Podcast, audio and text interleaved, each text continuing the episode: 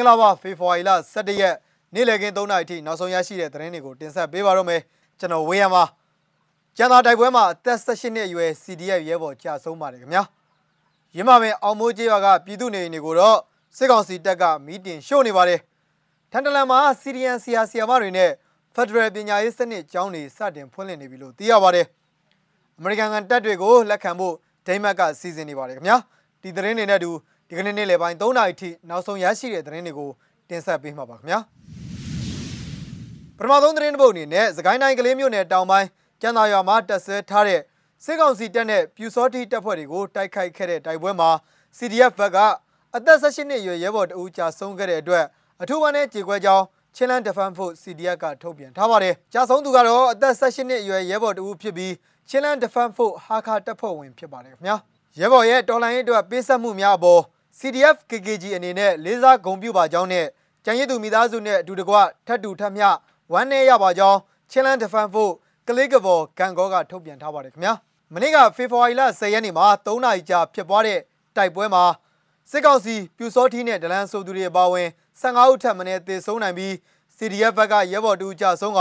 CDF ဟာခါရဲဘော်တူနဲ့ CDF KKG ရဲဘော်တူအသက်အနေရမစိုးရင်ရတဲ့မိုင်းတိုင်ရရရှိခဲ့ကြောင်း သိရပါတယ်ခင်ဗျာကလေးမျိုးနယ်မှာတိုက်ပွဲတွေအချိန်မရွေးဖြစ်ပွားနိုင်တဲ့အတွက်ပြည်သူတွေအနေနဲ့ဖေဖော်ဝါရီလ12ရက်ပြည်ထောင်စုနေ့အထိကလေးကံကောပြည်ထောင်စုလမ်းမကိုအသုံးမပြုဖို့ချင်းလန်းဒဖန်ဖို့ကလေးကဘောကံကောကထုတ်ပြန်ထားပါတယ်ခင်ဗျာ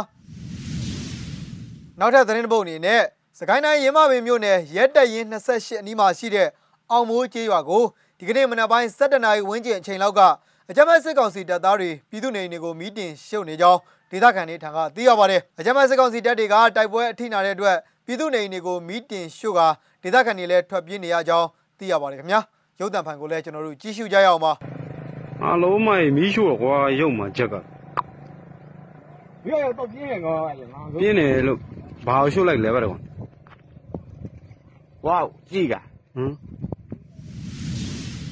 ချင်းမြင့်နယ်ဘက်ကသတင်းနယ်ပဲဆက်ချင်ပါတယ်။ချင်းမြင့်နယ်ထန်တလန်မြို့နယ်ဇိုဖေးဒေသ ငလန်ရွာက CDF ဇိုဖေးအဖွဲ့ကဥဆောင်ပြီးတော့ဖက်ဒရယ်ပညာရေးစနစ်အကြောင်းတွေစတင်ဖွင့်လှစ်ကာ CDN ဆရာဆရာမတွေသင်ကြားပေးနေပြီဖြစ်တယ်လို့ဒေတာရင်းသတင်းဌာနတစ်ခုဖြစ်တဲ့ချင်းဘောမှာဖော်ပြထားပါတယ်။ CDN ဆရာဆရာမတွေကိုလစာနဲ့ပညာသင်ကြားပေးဖို့အကူအညီတောင်းခံပြီးတော့တပတ်ကို၄ရက်တက်ရတဲ့ဖက်ဒရယ်ပညာရေးစနစ်စာသင်ကျောင်းတွေကိုစတင်ဖွင့်လှစ်နေတာပါ။သင်ကြားရေးအတွက်ပထမအကြိမ်ကိုဖေဖော်ဝါရီလကနေဇူလိုင်လအထိ 6လကနဦးသတ်မှတ်ထားပြီးလိုအပ်တယ်လို့အချိန်ကိုတိုးမြင့်သွားမှာဖြစ်တယ်လို့သိရပါတယ်ခင်ဗျာစာသင်ကြားချိန်တွေအဖြစ်ကတော့အပတ်စဉ်တင်းနာနေ့ကနေကြာသာပရင်းနေ့အထိမနက်ပိုင်း၈နာရီခွဲကနေမွန်းလွဲတနာရီ30မိနစ်အချိန်ထိစာသင်တာတွေကိုသတ်မှတ်ထားပါတယ်ခင်ဗျာသင်ကြားမှုမှာတော့မြန်မာစာနဲ့မြန်မာသမိုင်းကိုထည့်သွင်းသင်ကြားမှာမဟုတ်ဘဲမြန်မာဘာသာဟာမြန်မာနိုင်ငံအတွက်ဘုံစကားဖြစ်တာကြောင့်အရေးအဖက်အတွက်သာလိုအပ်တဲ့လောက်သင်ကြားသွားမှာဖြစ်တယ်လို့သိရပါတယ်ခင်ဗျာ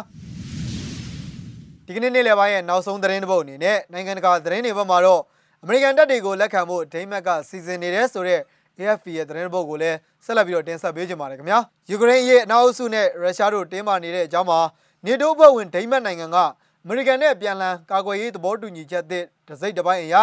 နိုင်ငံတွင်းမှာအမေရိကန်တပ်တွေကိုလက်ခံဖို့အသင့်ရှိနေပြီလို့ကြာသာပရင်းနေမှာပြောပါတယ်ခင်ဗျာစကင်ဒီနေဗီးယန်နိုင်ငံတစ်နိုင်ငံဖြစ်တဲ့ဒိမတ်နိုင်ငံဟာ အီရတ်မှာအမေရိကန်နဲ့အတူတိုက်ခိုက်ခြင်းနဲ့အတူအမေရိကန်ရဲ့အနိကဆုံးဥရောပမဟာမိတ်နိုင်ငံတစ်နိုင်ငံဖြစ်ခဲ့တာဟာဆယ်စုနှစ်နှစ်စုမကရှိနေတော့ပါအပြန်အလှန်ကာကွယ်ရေးပူးပေါင်းဆောင်ရွက်မှုအဆိုပြုချက်ကိုအမေရိကန်နဲ့ဒိမတ်နိုင်ငံတို့ရရှိခဲ့ပါတယ်လို့ဝန်ကြီးချုပ်မက်တီဖရဒါရီဆန်ကသတင်းတောက်တွေကိုပြောပါတယ်ကာကွယ်ရေးပူးပေါင်းဆောင်ရွက်မှုရဲ့အတိတ်နဲ့ကိုတော့မဆုံးဖြတ်ရသေးပါဘူးဒါပေမဲ့ဒိမတ်မျိုးပေါ်မှာအမေရိကန်စစ်သားတွေစစ်လက်နက်ပစ္စည်းတွေကိုထားရှိခွင့်ပြုသွားမှာဖြစ်တယ်လို့ သူကထပ်လောင်းပြီးတော့ပြောပါတယ်စေစံညီနိုင်မှုတွေကရုရှားနဲ့ယူကရိန်းကြားကပြိပခါတွေမှာရလက်မထွက်ပေါ်သေးပေမဲ့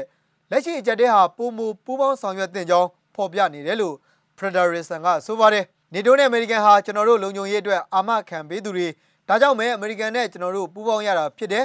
ဒီမိုကရေစီနဲ့လွတ်လပ်ခွင့်တွေကိုအနောက်တိုင်းစန်တာမိုးတွေချင်းချောက်ခံရချိန်မှာကျွန်တော်တို့ပူးပေါင်းထားရမှာဖြစ်တယ်လို့ဂျာသာဘရင်းကသတင်းစာရှင်းလင်းပွဲမှာအပါအဝင်ဖြစ်တဲ့ ဒိမတ်ကာကွယ်ရေးဝန်ကြီးမော်တန်ဘော့စကော့ကပြောပါတယ်ခင်ဗျာရုရှားနိုင်ငံဟာယူကရိန်းနယ်စပ်နားမှာတပ်အင်အားတသိန်းဝန်းကျင်တပ်ဆွဲထားတာကြောင့်ယူကရိန်းကိုကျူးကျော်မယ်ဆိုပြီးအနောက်အစုရဲ့စိုးရိမ်ပူပန်မှုတွေနဲ့အတူတင်းမာမှုတွေမြင့်တက်လျက်ရှိတာပဲဖြစ်ပါတယ်ခင်ဗျာမင်္ဂလာပါဖေဖော်ဝါရီလ17ရက်နေ့လည်ခင်း3နာရီအထိမဇ္ဈိမရေဒီယိုရဲ့နောက်ဆုံးရသတင်းတွေကိုတင်ဆက်ပေးပါတော့မယ်ဖေဖော်ဝါရီလ17ရက်နေ့လည်ခင်း3နာရီအထိနောက်ဆုံးရရှိခဲ့တဲ့သတင်းတွေကိုတင်ဆက်ပေးခဲ့တာပါခင်ဗျာ မဇ္ဈိမရေဒီယိုကိုဆောင်မျိုးနားဆင်ကြတဲ့ပြည်သက်ပေါင်းကိုစိတ်နှဖျားကျမ်းမာချမ်းသာကြပါစေလို့ဆုမွန်ကောင်းတောင်းလိုက်ရပါတယ်ထူးခြားတဲ့သတင်းတွေနဲ့တို့ကျွန်တော်တို့မကြခင်မှာပြန်လည်ဆုံတွေ့ကြပါမယ်ခင်ဗျာ